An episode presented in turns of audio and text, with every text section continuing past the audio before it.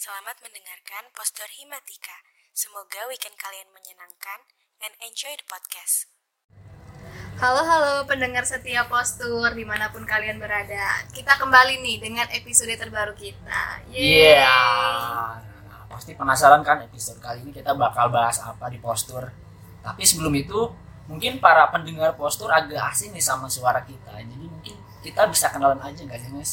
Loh kok ke spill tuh mas? Nah, nah waduh. Nah tapi bener sih harusnya kita kenalan dulu Wah pastinya teman-teman postur juga nih pada bingung nih Siapa sih kok dari tadi kita berdua nih berisik banget Nah Iya. iya. jadi kenalin nih Aku Ines dari Prodi Matematika Angkatan 2021 Dan tentu aja nih aku nggak mungkin sendiri Aku ditemenin sama Nah, ada aku Nabil dari Matematika angkatan 2020. Nah karena udah pada kenal nih sama podcasternya yang kece-kece abis Ya kan Iya, Mas Nabil ya? Dong, kece abis dong. Nah, terus episode kali ini kita mau bahas apa sih Mas Nabil? Nah, jadi di episode kali ini kita akan bahas tentang sesuatu yang banyak dicari nih sama para pelajar atau mahasiswa mahasiswi kayak kita kita ini. Wah, apa tuh? Doi bukan tuh? Waduh, enggak dong. Sulit kalau udah menyangkut doi ya.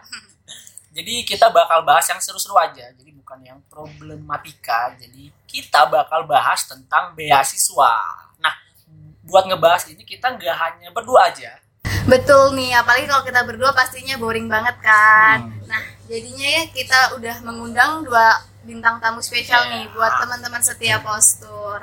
Nah, jadi keduanya ini adalah mahasiswi yang mendapatkan beasiswa dari salah satu bank sentral terbesar di Indonesia. Keren banget nggak tuh? Wah, keren keren keren keren. Nah, langsung aja nih kita kenalan sama bintang tamu spesial kita. Ada Mbak Dea dan Mbak Erpol. Halo, Halo, Mbak. Mbak. Halo halo guys. Halo halo semuanya, salam kenal. Halo, Salam kenal. Salam kenal kembali. Kalau misalnya ini di, kalau misalnya di belakang layar nih kelihatan nih Mbak Airbox dan Mbak Dia ini wajahnya bercerah-cerah nih. Gimana kabarnya hari ini, Mbak? Ya alhamdulillah ya luar biasa baik. Luar Ya, luar biasa cerah ya kayaknya kita kabarnya. Alhamdulillah kalau seperti itu. Oh iya, kalau boleh tahu nih Mbak Airbox sama Mbak Dea sekarang eh, kesibukannya itu apa aja sih? Oke, kalau aku kesibukan utamanya belajar ya harusnya. Hmm, harusnya. Tapi selain itu, itu aku juga ikut organisasi dan kepanitiaan buat di organisasi. Itu saat ini aku diamanahi sebagai bendahara di BEM FST 2022. Kemudian juga menjadi bendahara juga di salah satu dewan Oke, kesibukan aku sebagai mahasiswa sama sih kayak teman-teman, yaitu belajar. Nah, kesibukan yang lain itu aku diamanahi sebagai bendahara di BEM FST 2022. Kemudian aku juga diamanahi bendahara juga di Genbi Jatim di salah satu dewannya. Kemudian eh, aku juga mau demis nih sebagai kepala divisi Medinfo di Genbi Unair. Untuk kepanitiaannya sendiri aku eh, sebagai salah satu koor acara di kepanitiaannya Himatika. Oke, eh, kayaknya padat banget ya kalau Mbak Dea ya. Eh, kalau dari aku sendiri sih, eh, aku eh, ada kesibukan di ini sih tahun ini kita diamanahin jadi sekretaris departemennya seni dan olahraga BMFST 2022. Terus eh, aku juga sebagai staf di apa Dewan Komunikasi Genbi Jatim dan juga sebagai sekretaris divisi Medinfo Genbi gitu. Untuk kepanitiaannya sih karena aku memilih untuk tidak terlalu sibuk jadi nggak memilih kepanitiaan apa pun. Wah, Waduh, keren-keren banget ya nih mbak-mbak dua ini. Kayak bakal bisa dicontoh nih buat mahasiswa yang lainnya. Buat jadi mahasiswa aktif nih yang bakal mengembangkan soft skill kita sendiri. Nah, karena Mbak Dea sama Mbak Erpov ini kan penerima beasiswa Bank Indonesia nih. Apalagi kan kita semua tahu nih, Bank Indonesia tuh salah satu bank sentral terbesar nih di Indonesia kan. Nah, Mbak Dea sama Mbak Erpov ini bisa kasih gambaran nggak ke kita tentang beasiswa Bank Indonesia itu seperti apa? Oke, ini gambaran umum aja ya. Jadi beasiswa Bank Indonesia itu merupakan beasiswa yang diberikan oleh Bank Indonesia kepada para mahasiswa S1 dan juga vokasi di PTN dan PTS terpilih. Nah, melalui beasiswa ini, Bank Indonesia itu memberikan bantuan berupa biaya pendidikan atau tunjangan studi, kemudian biaya hidup juga. Nah, mungkin eh, sebagai gambaran umum juga ya, jadi di eh, beasiswa Bank Indonesia ini para awardee-nya itu diwadahi di suatu komunitas yang namanya Genbi, kepanjangannya Generasi Baru Indonesia, bukan Generasi Bank Indonesia ya. Nah, kemudian beasiswa ini tuh ada dua jenis. Yang pertama itu unggulan dan yang kedua itu reguler. Nah, untuk perbedaannya sendiri akan dijelaskan oleh Mbak Erkov ya. Oke, kalau perbedaannya sendiri sih lebih ke ini ya. Kalau unggulan dan reguler itu beda dari nominal dana yang udah kita terima dan juga masing-masing univ itu memiliki kuota yang berbeda-beda untuk reguler dan unggulannya. Oke, kalau dari reguler itu biasanya ya ini bisa berbeda-beda ya setiap univ. Eh, bisa 75 sampai 50 orang kayak gitu. Nah, terus eh, untuk yang unggulan itu bisa 30 orang dan vokasi juga tergantung sih dari univnya. Nah, khusus di eh, yang program unggulan itu cuman ada di beberapa PTN yang eh, unggul di Indonesia. Contohnya kayak IPB, ITB, ITS, UNAIR, eh, Undip, UGM, Unhas, UI, dan Unpad. Jadi nggak semua eh, PTN ataupun PTS di Indonesia itu ada eh, program beasiswa BI yang unggulan kayak gitu, guys. Wah, Lawi. Keren banget nih dari penjelasannya ya. Tadi disebutin juga ada program unggulan sama reguler dan itu tergantung juga dari masing-masing PTN atau PTS-nya gitu. Eh, kalau boleh tahu nih Mbak, kan eh, ada banyak beasiswa tentu ya selain beasiswa BI. Nah, motivasi Mbak Erof atau Mbak Dea waktu itu untuk mendaftar di beasiswa BI itu karena apa? Terus mungkin bisa diceritain dikit nih perjalanannya. Barangkali ada cerita-cerita unik waktu lagi mau ngedaftar. Boleh banget. Siapa pun dari Mbak Dea atau Mbak Erof? Oke, kalau dari aku, aku dari sejak mahasiswa baru itu memang sudah menarget ya untuk bisa mendapatkan beasiswa pada saat menjadi mahasiswa S1. Nah, oleh karena itu aku mengikuti komunitas eh, di Surabaya yang bernama Sahabat Beasiswa Chapter Surabaya. Nah, harapannya di komunitas tersebut aku bisa bertemu dengan orang-orang yang sevisi sama aku, yang emang tujuannya itu bisa dapat beasiswa baik dalam negeri maupun luar negeri. Nah, di situ aku juga eh, beneran terjadi ya aku bisa dapat relasi mengenai kating-kating yang uh, juga mendapat beasiswa Bank Indonesia. Nah dari situ aku sharing-sharing, akhirnya aku tertarik dan aku apply lah beasiswa Bank Indonesia ini. Sebenarnya beasiswa Bank Indonesia ini bukan satu-satunya yang aku coba untuk apply. Aku sudah beberapa kali apply ke banyak beasiswa, tapi yang bisa aku tembus itu beasiswa Bank Indonesia ini aja. Mungkin itu aja sih cerita dari aku.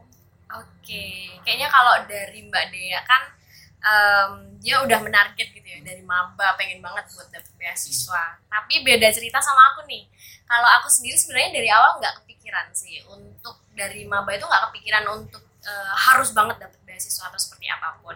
Tapi ada titik di mana eh, ketika aku mulai aktif di berorganisasi gitu ya, aku melihat teman-teman yang inspiratif gitu, punya pengalaman banyak banget. Dan dari situ aku mulai uh, terinspirasi lah memotivasi aku untuk uh, mulai cari-cari info kayak gitu entah itu tentang organisasi entah itu tentang beasiswa nah aku juga sama sih kayak mbak Dea jadi mulai apply ke ber- beberapa beasiswa. Jadi nggak langsung sekali apply masuk tapi memang uh, berbagai macam beasiswa yang udah aku coba dari mulai beasiswa yang cuman uh, bimbingan aja kayak gitu beasiswanya di uh, bantuan bimbingan sampai uh, yang tingkat nasional maupun univ. Jadi semuanya udah aku coba tapi adalah titik di mana aku jenuh dan gak mau daftar lagi.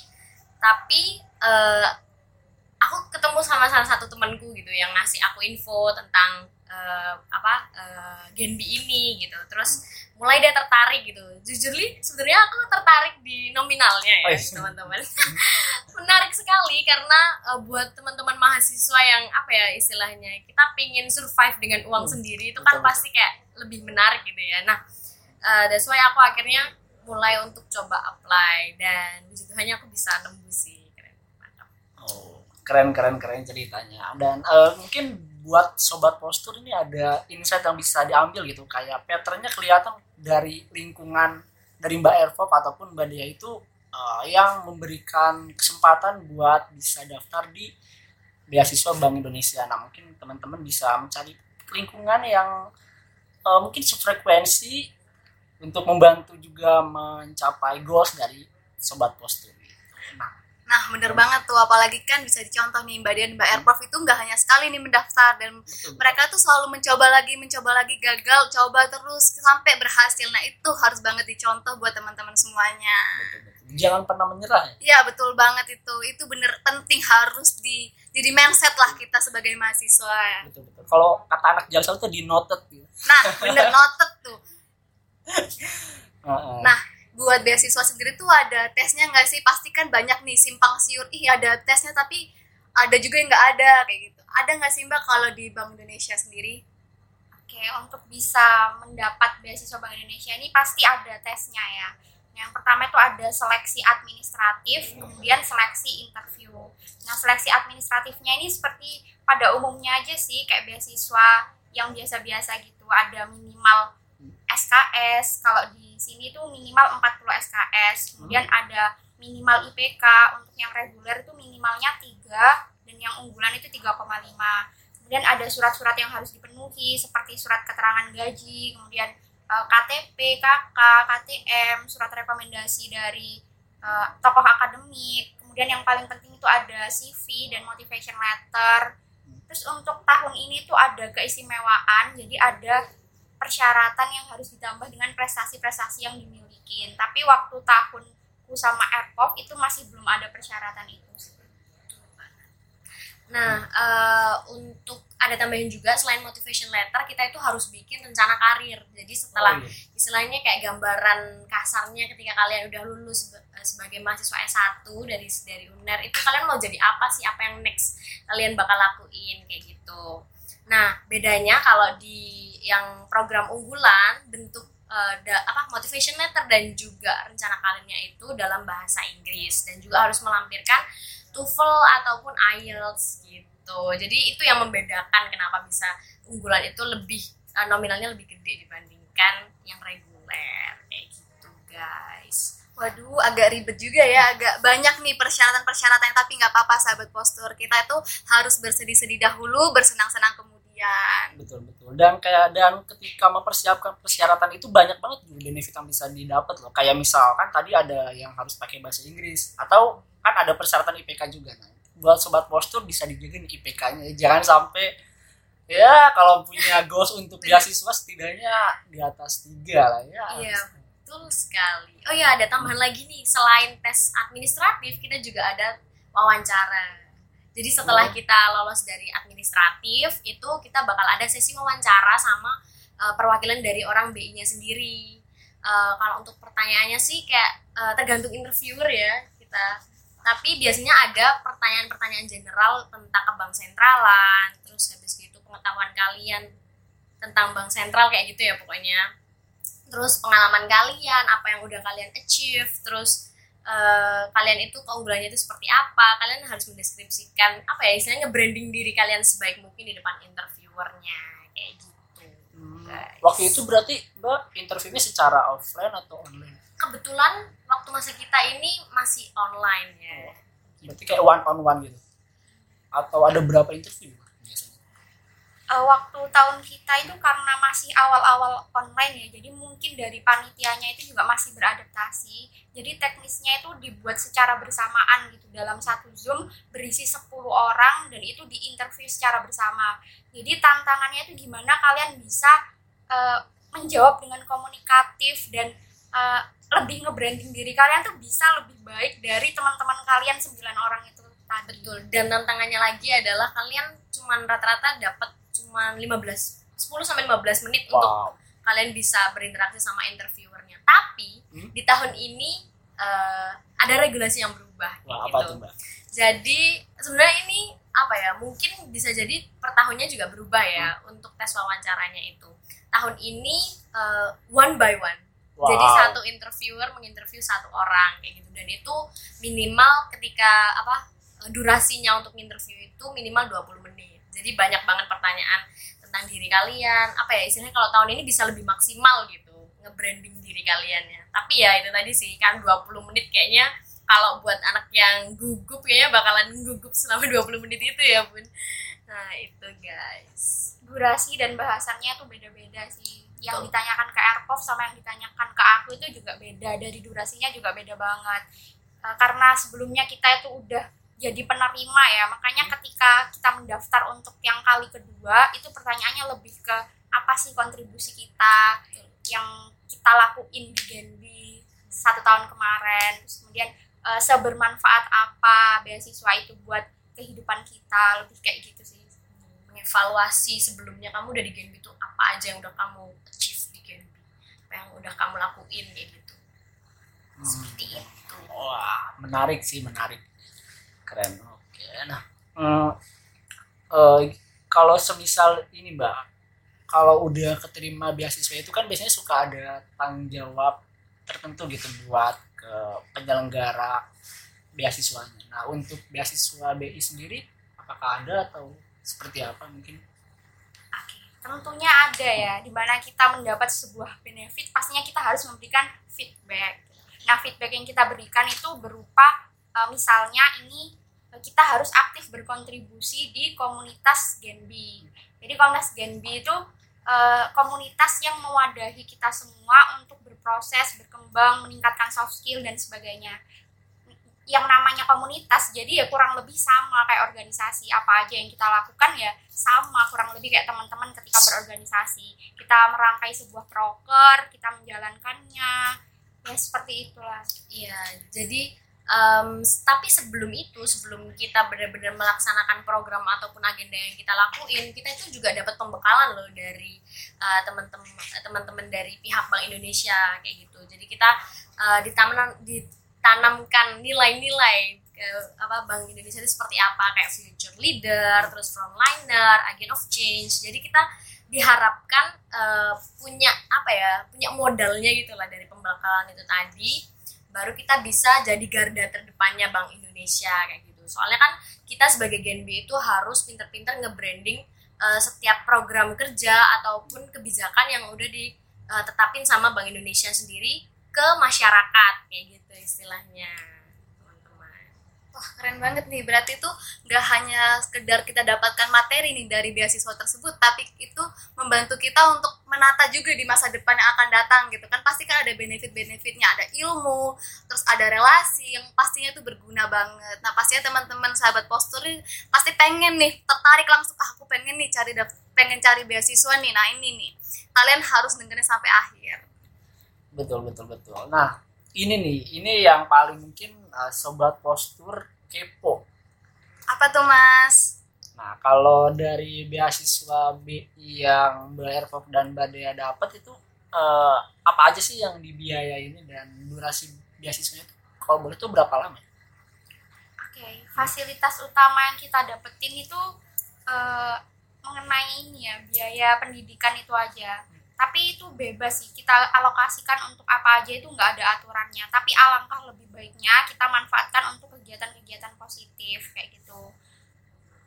Oke. Durasinya itu Oke, untuk durasinya itu eh, jadi ada dua kali pencairan ya guys dari satu eh, apa satu tahun kita periode itu tadi ada dua kali pencairan jadi setiap semester itu kita eh, dicairin duit 6 juta kayak gitu jadi sebenarnya kan satu bulan itu satu juta kayak gitu nah tapi di setiap eh, di sebelum pencairan kedua itu ada uh, pengumpulan poin keaktifan. Jadi untuk teman-teman yang kurang aktif bisa jadi untuk di blacklist sama pihak BI-nya kayak gitu dan nggak uh, apa punya potensi besar uh, nggak bakal cair di pencairan yang kedua seperti itu. Jadi untuk yang reguler itu biasanya kita dapat satu juta per bulan. Kalau untuk yang unggulan satu setengah juta per bulan. Itu selama satu tahun. Tapi dengan uh, catatan ya itu tadi sih poin keaktifannya harus memenuhi. Karena kita kan diharapkan uh, apa ya bisa berkontribusi besar di Genbi seperti itu. Wah, eh, kalau boleh tahu berarti poin keaktifan itu yang kegiatan di Genbi-nya itu. Iya betul sekali. Kan ada banyak tuh seminar, pelatihan, diklat dan juga program ataupun agenda kerja yang kita udah susun seperti itu. Kita jadi pengurusnya. Semua itu di di apa ya diperhitungkan sama pihak BI oh anak ini berkontribusi besar seperti itu dan nantinya kalaupun mau daftar kedua kali juga diperhitungkan kegiatan Genbi dan juga kegiatan Bank Indonesia. betul Jadi ketika kita menghadiri seminar-seminarnya itu kita juga mendapat poin keaktifan. Kalau misalnya datang secara offline itu kadang juga dapat uang saku ya. Betul banget Wah enak banget. Menarik banget ya. Berarti itu secara nggak langsung eh, para mahasiswa yang mendapatkan biayaan tersebut itu memaksakan untuk harus aktif gitu ya biar akan terus dilanjutkan pencairannya itu tersebut ya kan ya mbak ya sebenarnya nggak terpaksa juga sih karena sebenarnya kan itu juga jadi peluang buat Iya. kita kan istilah tanggung jawab sendiri gitu lah Iya. apa yang kita harus berikan ke apa bank sentral tersebut nah sepertinya aku sama Mas Nabil udah terlalu banyak nih pertanyaan tapi boleh nih tolong banget nih dijawab tips and trick untuk mendapatkan beasiswa Oke, mungkin aku dulu kali ya yang bakal ngasihin tips and trick. Mungkin eh, hal yang terpenting dan mendasar adalah kalian harus memperhatikan setiap eh, persyaratan admi- administratif yang ada ya. Jadi untuk apalagi untuk nilai ya, ini eh, kayaknya amat sangat rentan ya buat temen-temen. Eh, kayak ya kalau mau daftar apply di reguler berarti minimal IPK-nya harus tiga kayak gitu. Nah teman-teman harus banget uh, memastikan nilai kalian itu ya konstan gitu ya teman-teman. Pastikan nilai kalian bisa memenuhi uh, standarnya Bank BI seperti itu. Kemudian uh, pastikan nih ini hal yang penting juga kan ada uh, rancangan karir ke depan ya. Nah pastikan ketika kalian merancangkan karir ini benar-benar apa ya serealistis mungkin tapi nggak yang eh, ya gimana ya nggak berangan-angan juga nggak realis nggak yang terlalu gimana juga. Jadi kayak benar-benar realistis tapi ya sesuai dengan keinginan kalian dan juga eh, apa ya intinya bisa kalian laksanain dengan baik lah kira-kira nanti ke depannya bisa meyakinkan interviewer yang baca seperti itu terus buatlah juga motivation letter kalian itu yang menarik dan unik tapi nggak melebih-lebihkan. Jadi sesuai sama kapabilitas kalian. Eh, jangan menuangkan hal-hal yang mungkin nggak pernah kalian lakuin. Jadi kayak eh, ya ceritakan aja segimana kalian pengalaman dalam berorganisasi di kampus ataupun kalian itu punya pengalaman seperti apa. Bahkan kalau kalian kayak punya pengalaman dalam wirausaha ataupun berjuang dalam keluarga atau seperti apa pun itu yang menarik dan menurut kalian bisa uh, eye catching gitu di depannya interviewer kalian boleh banget untuk nambahinnya di uh, motivation letternya itu. Terus nah ini penting banget untuk sesi wawancaranya itu sebelum sesi wawancaranya pastiin kalian itu udah berlatih ya.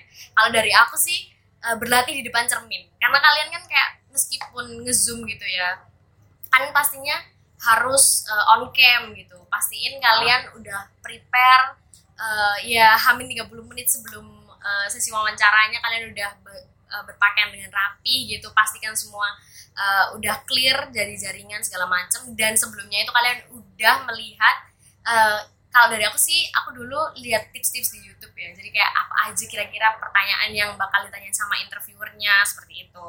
Terus aku latihan di depan cermin apakah memang oh uh, gesturku nanti seperti apa ya gitu. Terus uh, kata-kata yang aku pilih seperti apa lebih baiknya gitu. Supaya nanti karena kan kita diburu waktu ya nggak yang lama banget gitu kan interview itu. Jadi maksimalkan uh, waktu ketika kalian sesi interview itu bener-bener ngeluarin setiap apa ya uh, apa ya, experience kalian setiap kelebihan kalian nge-branding diri diri kalian semaksimal mungkin. Seperti itu teman-teman.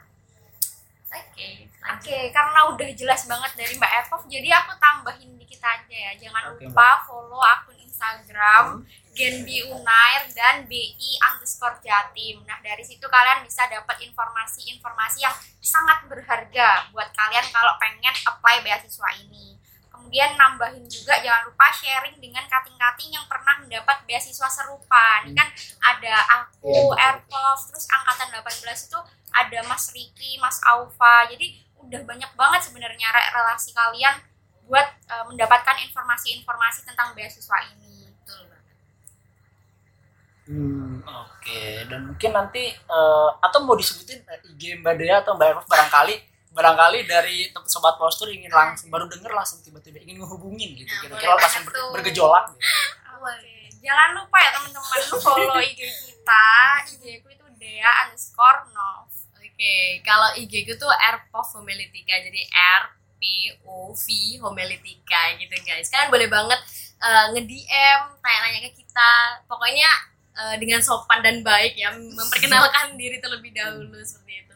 Kita pasti bakal bantu kalian eh, tambah-tambahin insight karena eh, ya kurang lebihnya kita juga pasti dulunya sharing-sharing sama cutting gitu. Makanya bisa sampai dapet tips-tips dan triknya seperti itu guys. Hmm, Nah mungkin bisa di noted ya ini buat sobat-sobat postur Eh, tadi Instagramnya nanti bisa langsung silaturahmi aja mbak ya. Jangan lupa follow ya. Oke oke. ya. Nah eh, sebelum ditutup nih mungkin dari Mbak Ervov atau Mbak Dea ada closing statement yang mau disampaikan? Oke, sebelumnya aku mau bilang terima kasih buat teman-teman poster di sini. Udah undang kita berdua sebagai narasumber ya. Senang banget bisa berbagi insight sama teman-teman. Dan juga harapannya sih kalian bisa apa ya termotivasi gitu ya. Seperti kita yang termotivasi dari orang-orang di circle kita dulu gitu. Supaya kalian bisa uh, segera ambis gitu untuk dapetin beasiswa beasiswa di luar sana. Nah, aku juga mau jelasin tipis-tipis apa sih kelebihan dari uh, Gen B ini. Kenapa kok kita milih ini? Itu ya yang pertama pasti karena nominalnya itu termasuk lebih besar ya guys dibandingkan beasiswa yang lainnya gitu. Jadi worth it banget untuk kalian apply. Oke, pokoknya kalian wajib banget sih Re, coba apply beasiswa ini karena uh, kelebihan-kelebihannya itu banyak banget. Salah satunya ini yang bener-bener aku rasain ya.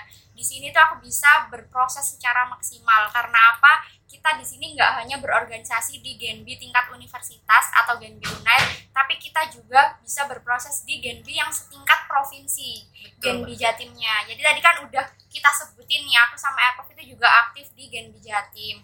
Nah di situ seru banget sih Rek. kayak uh, proker-proker yang dibuat itu benar-benar proker yang besar terus kita bertemu orang-orang hebat dari setiap universitas bahkan setiap provinsinya kayak Betul. kita bisa dapat relasi bahkan aku kenal kayak ketua dari Genbi Papua di sana itu Oh iya. ya Wow. bisa keren, keren. banget terus banyak kenalan orang-orang hebat lah kayak Iya. banyak yang jadi kahima kemudian kabang fakultas bahkan dari Mas Yoga yang pres BEM Universitas Erlangga yang BMU itu juga dari Genbi Gen Uner. Uner, guys. keren banget banget. Jadi kebanggaan tersendiri gitu gak sih? Iya bener banget tuh mbak. nggak eh, nggak apa nggak lupa juga kita juga punya relasi apa ya lebih luas sama orang-orang eh, di Bank Sentral Indonesia. Jadi kita apa ya bisa dibilang eh, anak-anak Genbi ini punya kesempatan lebih untuk ketika nanti misal Bank Indonesia itu buka rekrutmen ya untuk pegawai segala macam gitu. Eh, Genbi ini punya nilai plus tersendiri karena memang eh, ya dari nilai-nilainya terus habis gitu pengalamannya kan pasti uh, lebih dibandingkan teman-teman yang non Genbi kayak gitu. Jadi kita punya uh, apa ya nilai plus gitu ya untuk masuk ke Bank Indonesia. Dan zaman sekarang siapa sih yang nggak mau masuk ke Bank Indonesia yang Iya, notabene bank sentral gitu? Keren banget gitu guys. Eh, prestisius. Eh, idaman men- eh, mertua. Bener banget nih tadi banyak banget ya ya kelebihannya itu dari mulai fasilitas terus dari program pengembangan dirinya juga dari segi relasi yang banyak banget juga dan satu lagi adalah kesempatan buat nanti kalau misal mau lanjut daftar interview nah itu banget ya di Bank Indonesia. tujuan utamanya ya. Oke. Gak kerasa ya Nesia udah kita udah di penghujung podcast aja nih. Iya, Tadi bener seru banget. banget pembahasannya. Seru banget sampai nggak kerasa nih waktunya. Iya betul betul lah. S- Yang pertama aku ingin ngucapin terima kasih banyak buat Mbak Dea sama Mbak Ervov yang udah meluangkan waktunya buat hadir di postur. oke Terima kasih mbak. Terima kasih banyak. sama-sama sama-sama teman-teman Semoga eh, teman-teman postur atau sobat postur nanti eh, ada pandangan atau insight tentang beasiswa Bank Indonesia atau barangkali habis denger ini langsung mau daftar gitu. Langsung jadi ambis. Langsung dipersiapkan tuh dirinya dengan baik. Iya betul betul betul. Nah, nah mungkin eh, di sini aku sama Ines akan pamit undur diri. Eh, sampai jumpa di episode postur selanjutnya. Bye bye semua. Bye bye. Bye bye.